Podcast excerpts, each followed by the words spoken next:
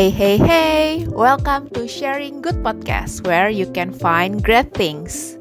Halo, halo, apa kabar? Semoga dalam keadaan sehat dan bahagia ya.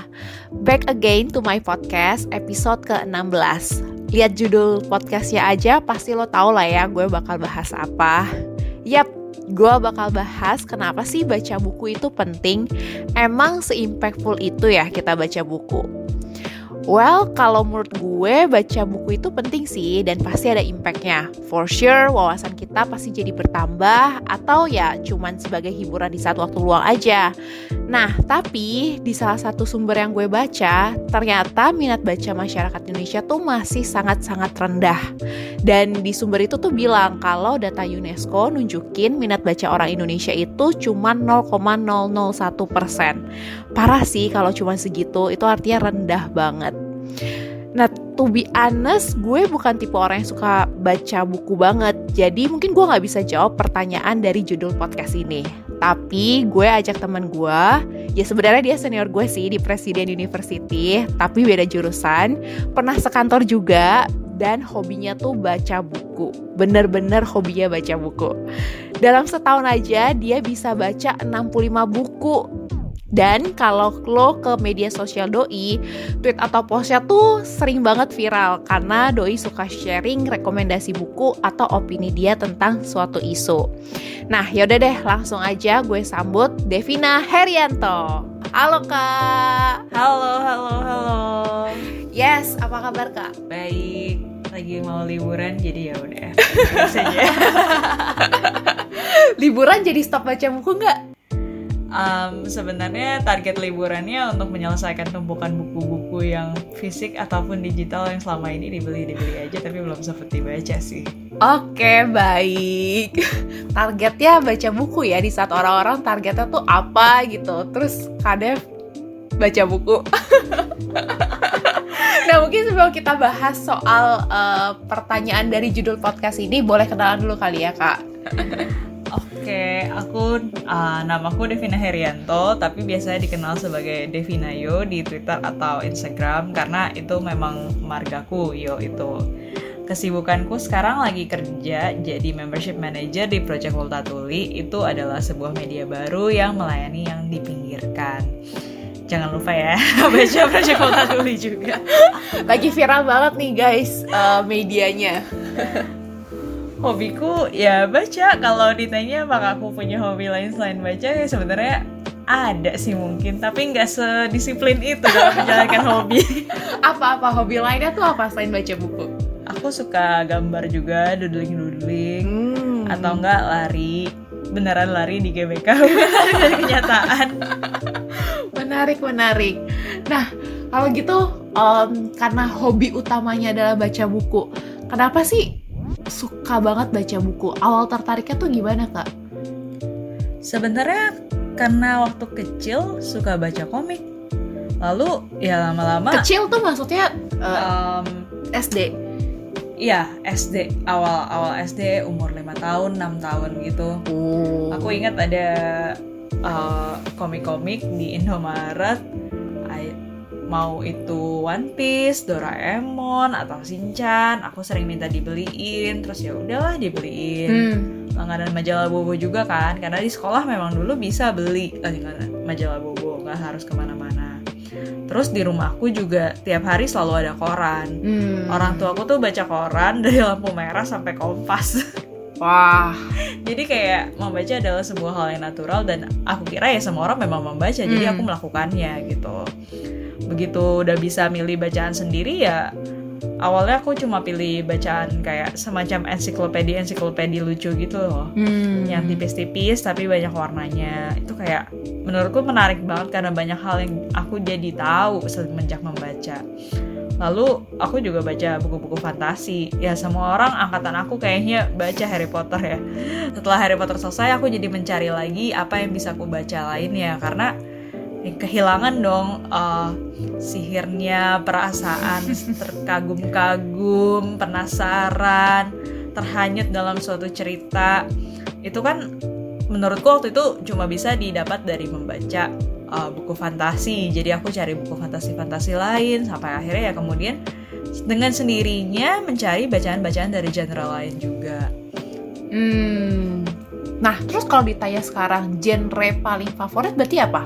Masih fantasi. Aku suka banget Oh. fantasi. Kayak no doubt itu favoritku. Tapi eh, sekarang aku mulai memang apa ya? Jadi berusaha secara sadar untuk baca genre-genre lain juga karena aku tahu memang ada bacaan-bacaan bagus gitu selain Hmm. fantasi dan Mhm. kadang juga menantang diri sendiri kayak oke eh, mau baca puisi misalkan karena aku jarang banget baca puisi jujur atau mau lebih banyak baca non fiction Hmm.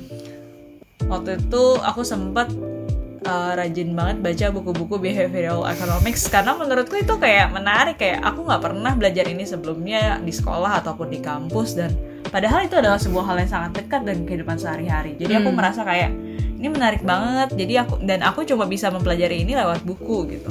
Ya sebenarnya bisa sih lewat video YouTube apa segala macam Nah, cuma nah, itu pertanyaannya ya. Maksudnya di saat orang-orang ya eh, gampang lah cari cari info tuh ya sekarang udah ada YouTube, udah ya banyak artikel artikel artikel pendek gitu kan. Kenapa Kadef masih stuck di buku gitu? itu pertanyaan menarik tapi mungkin jawabannya um, pertama karena soal kebiasaan Aha. kayak kata-kata adalah format yang memang aku sukai dan aku mengasosiasikan kata-kata dengan informasi Hmm, sementara uh, video aku asosiasikan dengan hiburan I see. pertama itu ya Aha. kedua sebenarnya orang bikin video YouTube itu juga sumbernya dari buku Iya sih, ya benar-benar. Jadi aku menganggap kalau mau belajar sesuatu dengan lebih dalam, ya udah pilih aja satu buku uh, yang membahas soal itu Aha. dan kamu akan mendapatkan informasi soal itu daripada kamu ke YouTube nonton video yang cuma 10, 15, 30 menit yang cuma mengenalkan konsep-konsep general tapi nggak dalam ya udah kenapa aku harus me- melewatkan waktu aku dengan cara seperti itu kalau aku bisa dapat uh, informasi dan perspektif yang lebih dalam, luas dan lengkap dalam buku. Hmm. Oke, tapi kan sekarang tuh ya kita sama-sama tahu lah ya di tengah dunia yang informasi tuh makin banyak. Terus habis itu kenapa makanya ada bite size content, terus ada uh, konten dalam bentuk video yang membantu kita. Oh ya udah, yang penting kayak lu tahu informasi A gitu ya segini aja gitu karena kita apa ya brain kita tuh udah overwhelmed with a lot of information kan nah kalau kayak Kadef sendiri kan tadi mentionnya ketika Kadef mau belajar sesuatu ya mendingan langsung ke buku aja lebih lengkap. Anyway gitu loh. Apakah Kadef nggak merasa apa ya kayak somehow merasakan overwhelmed too much information on many things gitu? Itu pertanyaan menarik. Um, menurutku memang sih kita hidup di masa di mana informasi itu jadi bukan barang mahal. ya Semua orang bisa akses informasi ada di mana saja dan kita terpapar informasi setiap saat. betul Dan itu yang bikin kita overwhelmed. hmm. Dan ini erat kaitannya dengan penggunaan sosial media. Hmm. atau tools-tools internet lainnya yang memungkinkan kita mengakses informasi atau terpapar Hmm. informasi di luar kon- apa keinginan kita Iya. sendiri. Nah, menurutku tuh membaca bisa jadi sebuah antitesis dari itu. Sebuah bentuk perlawanan mungkin. Karena ketika kita membaca kita berusaha untuk fokus terhadap apa yang kita baca, kita memilih apa yang kita baca dan ya udah kamu nggak akan bisa bilang kamu overwhelmed karena itulah satu bentuk yang kamu pilih dan ketika kamu membaca kamu fokus ke situ sehingga kamu tidak terdistraksi dengan informasi-informasi yang ada yang lain jadi kamu sebagai bentuk pemilihan juga sih kayak filtering informasi yang masuk ke kamu sendiri gitu karena kan sebenarnya apa pun yang terjadi di dunia ini maupun kamu baca di mana pun kamu dengar dari mana pun itu semua informasi kan Hmm. tapi gimana kamu bisa membuat informasi yang masuk ke kamu, membangun kesadaran kamu, membangun siapa kamu menjadi orang yang lebih berkualitas atau ya terserah lah adjektifnya apa gitu. Tapi ya itu dengan cara kamu memilih informasi itu sendiri gitu. Jadi ketika kamu bilang kamu hidup di masa di mana kamu jadi overwhelmed karena terlalu banyak informasi, ya mungkin filternya itu yang perlu dijaga. Hmm, artinya sebenarnya justru buku atau ya apa pun itu yang dalam bentuknya teks ya, justru bisa jadi pagar kita dari information overload. Iya. Ya, mungkin nggak harus teks ya, karena aku tidak mau mendiskredit mendiskreditkan orang-orang yang belajar dari hal lain gitu. I see. Oke, okay, menarik sih. Karena aku jadi terbuka di pikirannya. Oh, benar juga ya. Maksudnya di saat justru kita overwhelmed dari ya media sosial ataupun apa pun itulah yang datang ke kita tanpa kita mau dengan kita pilih buat baca buku kita yang menentukan sendiri kita mau memfit brain kita tuh pakai informasi apa. Nah, terus sekarang lagi baca buku apa, Kak? Sekarang sebenarnya udah seminggu lebih aku baca buku uh, buku ketiganya Hilary Mantel dalam trilogi Wolf Hall. Judul hmm. The Mirror and the Like. Untuk pendengar yang belum familiar, uh, trilogi Wolf Hall dari Hilary Mantel ini menceritakan soal Thomas Cromwell. Dia itu adalah advisernya King Henry VIII yang menikah dengan Anne Boleyn. Mm-hmm. Di masanya King Henry ini, uh, Inggris juga berpisah dengan gereja Katolik di Roma dan mendirikan gereja Anglikan. Cromwell ini menarik karena dia ini politik praktis banget.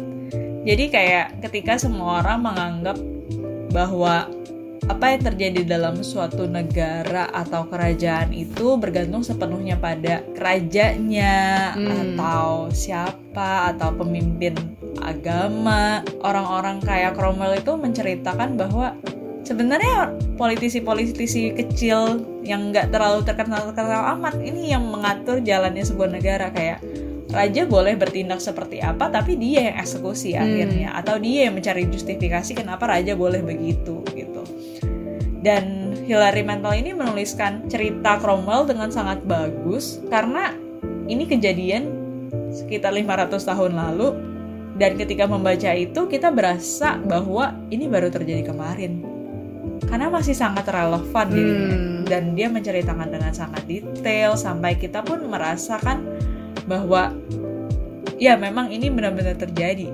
Memang ini uh, historical fiction ya maksudnya berdasarkan sejarah. Tapi pasti ada detail-detail yang cuma bisa didapatkan dari imajinasi kan. Hmm. Menarik banget sih bukunya, cuma panjang banget dan aku lagi sibuk mengerjakan hal-hal lain termasuk bersenang-senang jadinya. nah itu jadi salah satu target buku yang diselesaikan tahun ini kan? Ya. Oke, nah pertanyaan selanjutnya, kenapa sesering itu baca buku kak? Emang nggak ada kesibukan lain? Gimana ya aku jawabnya? Jadi kan semua orang punya 24 jam. Betul. Kita anggap 8 jam kerja. Yes. Kita anggap uh, eh, 8 jam tidur. Mm-hmm. Kan seperti slogan buruh zaman dulu ya, 8 jam untuk kerja, 8 jam untuk istirahat dan 8 orang 8 jam lagi untuk senang-senang gitu. Nah, kita punya 8 jam untuk senang-senang kan? Mm-hmm anggaplah dua jam itu untuk mengurusi hidup misalnya makan mandi apa segala hmm. macam hmm. kita masih punya enam jam menurutku itu cukup kok buat baca buku dan melakukan kehidupan apa hal-hal lain ya cukup sih kamu cuman tunggu deh kalau gitu pertanyaannya dalam sehari um, Kadev spend berapa jam untuk baca buku sebenarnya nggak ada angka pasti sih karena kan hmm. kan kebiasaan membacaku tuh ya tergantung lah uh, dengan rutinitasku dalam periode tertentu. Hmm. Misalkan ya sekarang lagi sibuk di Bali liburan habis rapat kerja ketemu sama orang aku nggak punya waktu sama sekali untuk baca buku. Dan itu nggak apa-apa itu nggak jadi beban buat aku gitu. Hmm. tapi ketika aku lagi di rumah selesai kerja nggak bisa ke mana-mana dan nggak ada jadwal ngapa-ngapain ya udah aku baca buku aja. Hmm. sebenarnya buatku setelah mengamati orang-orang yang bertanya kepadaku tentunya kayak gimana sih caranya baca buku? Iya. Yang jadi masalah itu bukan waktu bukan karena nggak punya kesibukan lain atau terlalu banyak kegiatan lain tapi mental energy atau niat untuk membacanya hmm, hmm. karena orang tuh menganggap buku kan tebal aku harus menghabiskan ini dalam sekian jam. dan aku nggak punya sekian jam itu dan aku nggak punya energi sebanyak itu untuk menghabiskan buku ini Hmm. padahal baca itu bisa dicicil Hmm.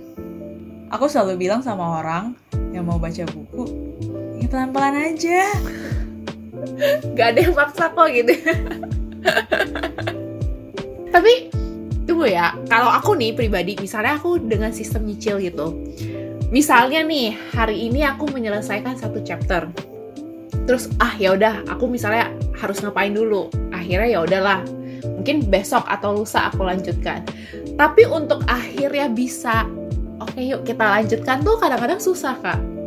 Nah, kalau Kadif tuh gimana? Menumbuhkan konsistensi. Oke, gue harus lanjutin nih di buku gitu. sebenarnya sistemnya nggak secanggih itu karena alasanku untuk tetap membaca buku dan menamatkan buku yang kubaca atau tidak menamatkan buku yang kubaca adalah penasaran Hmm. Kalau buku fiksi ya aku penasaran apa yang terjadi selanjutnya karena aku sudah peduli dengan tokohnya Mhm. atau peduli dengan ceritanya Hmm. dan suka sama gaya penulisannya misalkan jadi aku penasaran untuk kembali lagi ke dunia itu kalau non fiksi ya aku penasaran bagaimana cara penulis ini akan menjelaskan suatu hal atau menjawab pertanyaan yang muncul Hmm. sebenarnya sesederhana itu karena aku penasaran I see. Jadi justru datangnya tuh memang harus dari kenapa kita baca buku kali ya. ya semua hal balik ke itu kan kayak kenapa kamu milih baca buku Ya, bener sih. Oke, nah kalau gitu menurut Kadef nih, kenapa baca buku itu penting ya? alasan paling gampang sih sebenarnya informasi semakin banyak informasi yang kita tahu ya semakin ya, semakin banyak lah alat di dalam otak kita ketika kita memandang dunia atau memecahkan sebuah masalah. Hmm. kedua mungkin perspektif. Karena kan kita hidup selalu dengan kacamata diri kita sendiri pribadi.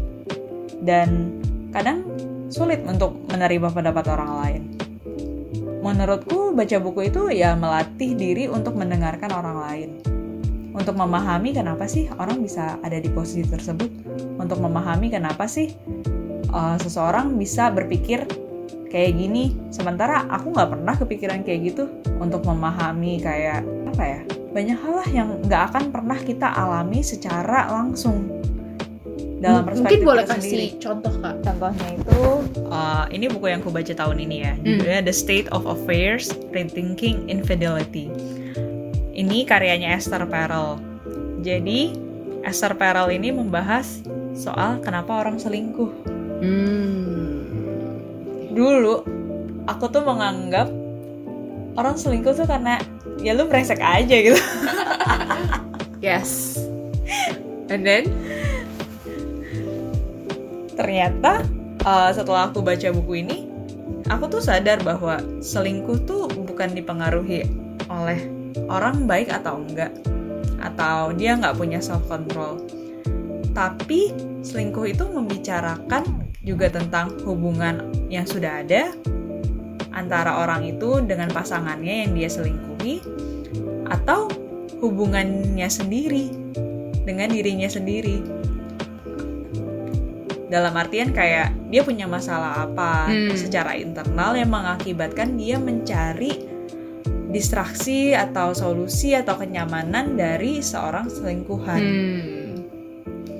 Esther Perel ini bilang bahwa selingkuh tuh gak ada hubungannya sama orang baik atau enggak. Ini adalah cuma masalah bagaimana manusia memandang sebuah hubungan di konteks modern. Ini menarik banget karena Esther Perel tuh bilang dulu orang menikah itu transaksional. Oke, lu kerja, gue kasih lu anak, lu hidupi gue.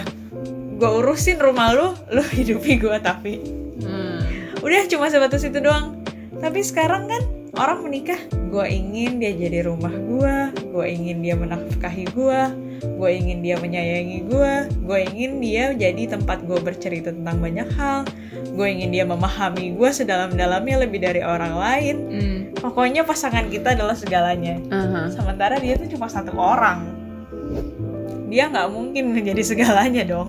Karena kita pun nggak mungkin jadi segalanya bagi orang itu jadi karena ekspektasi yang makin tinggi hubungan manusia yang makin rumit dengan orang tua, dengan saudara, dengan pekerjaan atau hal-hal lainnya yang bikin hidup tuh makin kompleks sebenarnya untuk Hmm. cuma dipandang dari sisi kayak oh lu selingkuh lu jahat gitu tapi nggak kayak gitu kayak kita harus tahu ada alasan-alasan lain dan kita tuh harus memandang perselingkuhan sebagai sebuah gejala sebenarnya. Bukan sebuah masalah yang benar-benar harus dihindari sama sekali. Karena memang nggak bisa dihindari gitu. Banyak banget kejadian segala Hmm. macam. Jadi kayak oke kalau misalnya solusinya bukan sekedar jangan selingkuh terus apa? Itu buku yang menarik untuk menjawab itu. Hmm, I see. Jadi menambah perspektif baru lah gitu dan tidak terkungkung pada asumsi ataupun perspektif diri kita sendiri dengan baca buku. betul. Yang terpenting sih buatku baca buku tuh imajinasi. Hmm, bukan cuma soal fantasi ya. Karena kan ini udah obvious kalau fantasi. Kalau misalnya yang ku maksud tuh kayak imajinasi tentang bagaimana kita hidup di dunia ini. Kita tuh hidup di zaman di mana kita dilatih bahwa kamu sekolah kerja menikah punya anak. Udah tujuan kerja apa untuk dapat penghasilan. Hmm, lalu kamu punya anak kenapa? Untuk meneruskan keturunan. Kita nggak pernah mempertanyakan asumsi-asumsi itu.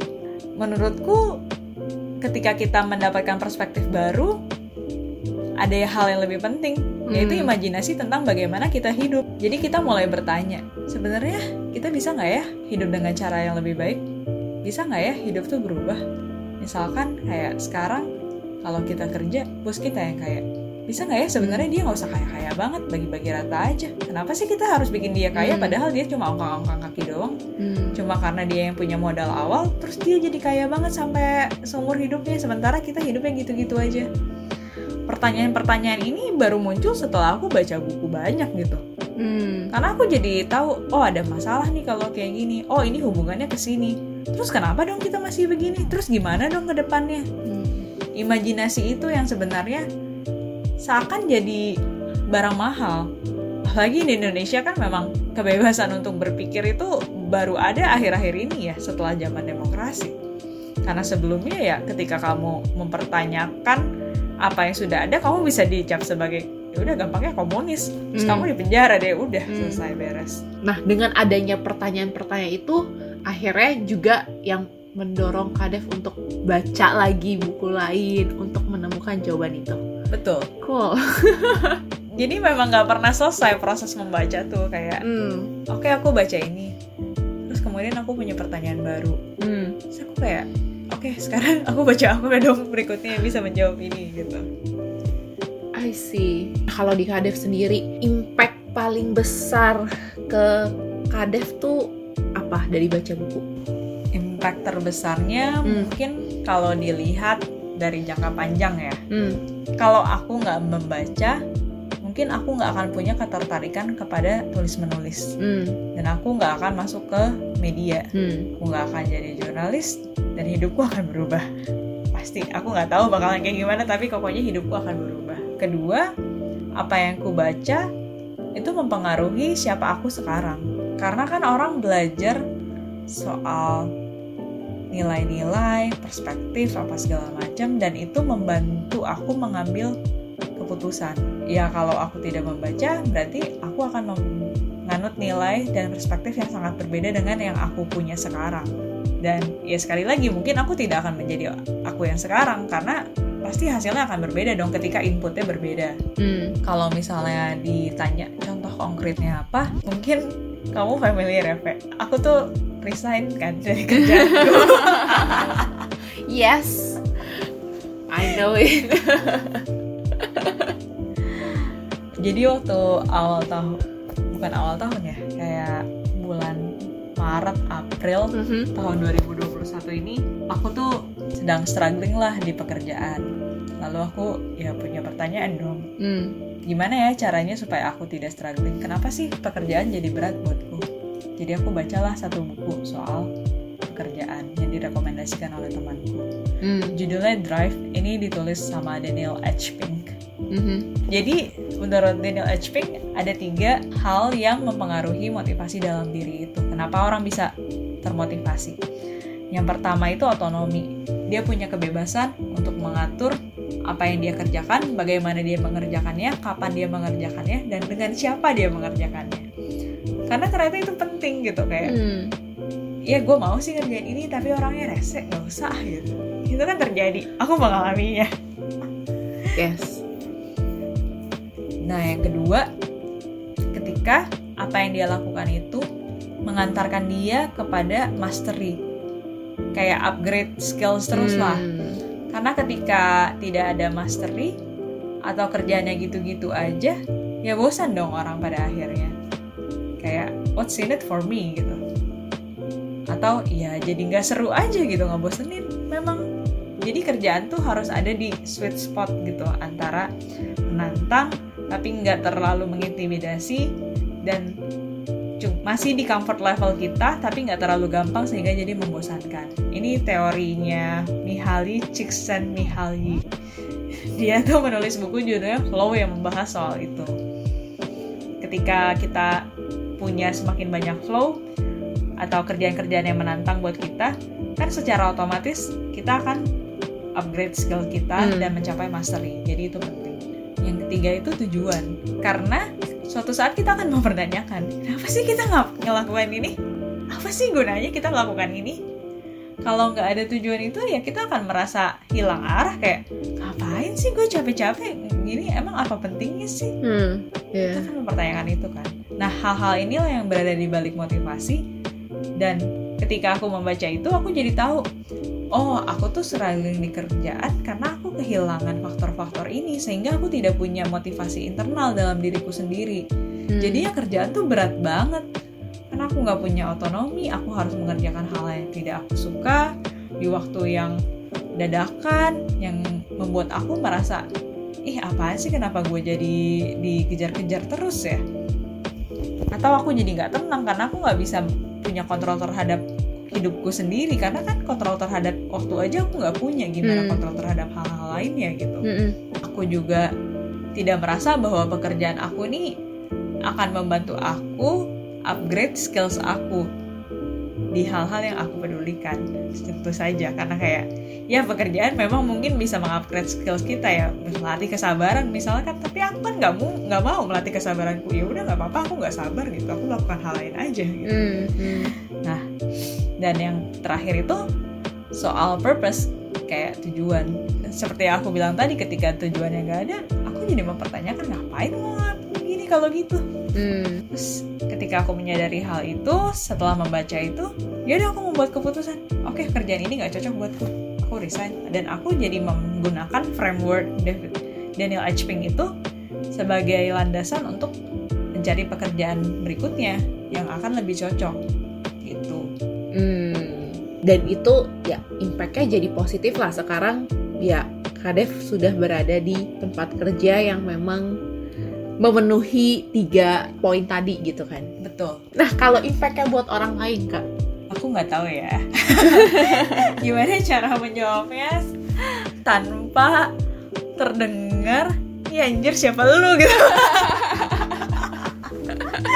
Gak apa-apa kak. Tapi kan mungkin paling sederhananya gini aku kan selalu bikin review singkat hmm. tentang buku yang ku baca hmm.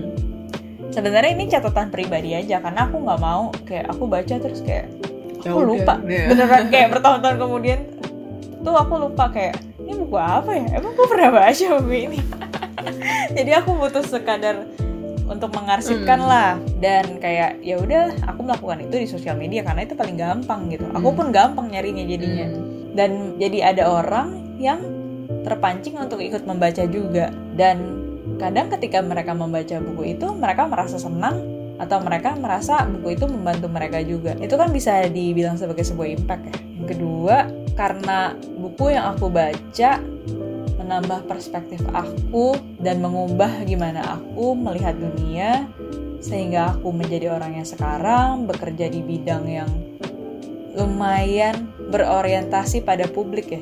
Hmm. Jadi Project Multatuli kan itu memang gerakan jurnalisme publik.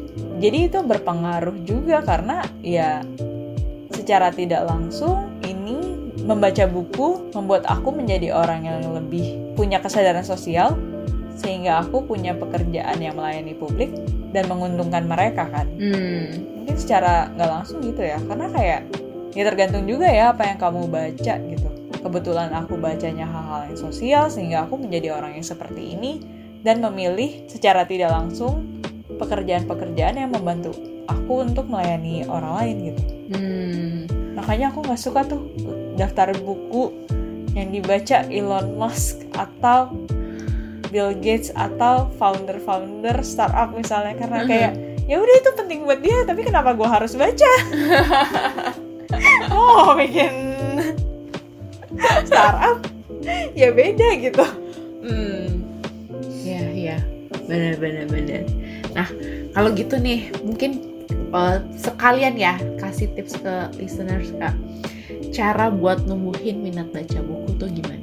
tanya sih pada diri sendiri kenapa sih kamu mau baca Hmm. apa sih yang mau kamu ketahui Hmm. Terus selain tujuannya, ya tentu saja mungkin di awal-awal harus memaksakan diri supaya disiplin. Karena ya memang seperti yang kamu bilang susah ya untuk disiplin itu ternyata. Benar, benar. Mungkin aku tuh susah untuk disiplin di hobi yang lain gitu.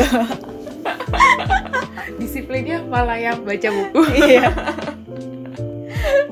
Memang harus sedikit ada paksaan gitu. Mungkin kamu bisa komitmen pada diri sendiri. Hmm. Oke, aku akan baca buku minimal 10 halaman sehari.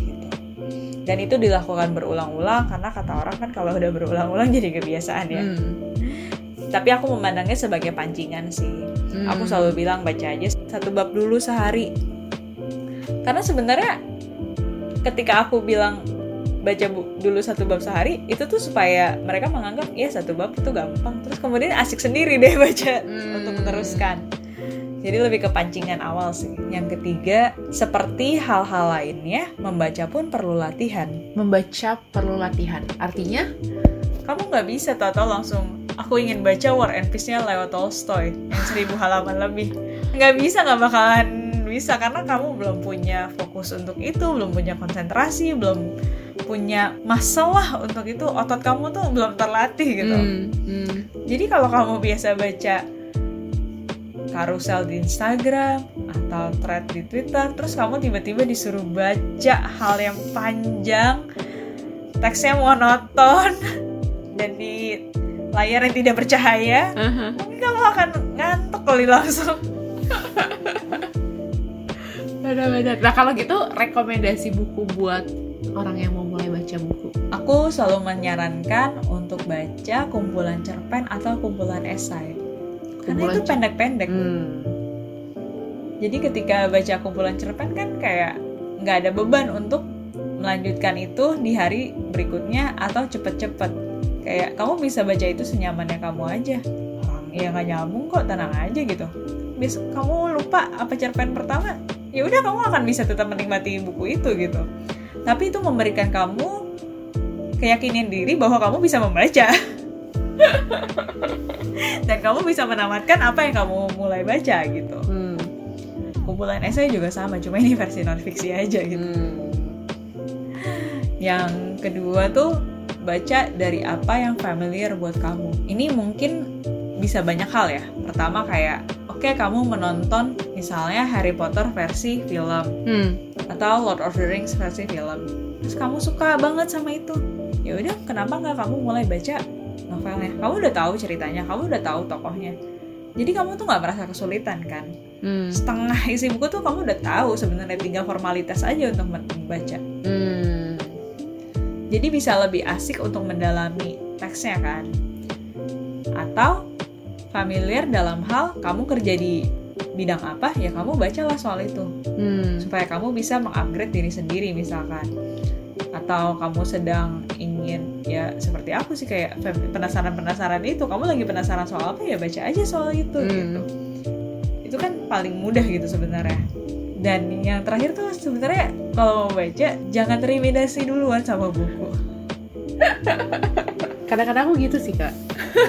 Caranya tuh gimana biar tidak terintimidasi oleh buku? sebenarnya buku itu kan ditulis supaya orang lain baca ya Ah, jadi penulis dan editornya pun kalau mereka memang peduli sama membaca udah memikirkan gimana caranya mereka menulis dan mengantarkan informasi dalam format dan cara yang bisa diakses oleh orang lain. Hmm. Sebenarnya buku tuh pelayan kamu gitu, bukan kamu yang harus nurutin maunya buku. Kalau buku ini terlalu ribet bertele-tele, ya udah nggak usah dibaca, cari aja yang lebih gampang. Jadi persepsi kita terhadap buku ya yang mesti ditukar ya. Iya persepsi kita terhadap buku, persepsi kita terhadap kegiatan membaca itu sendiri, persepsi kita terhadap waktu yang kita punya dan perhatian yang kita selama ini curahkan terhadap hal-hal hmm. yang sebenarnya tidak bermanfaat amat tapi bikin kita capek hmm. dan merasa overwhelmed. Itu sih sebenarnya. Oke. Okay. Noted.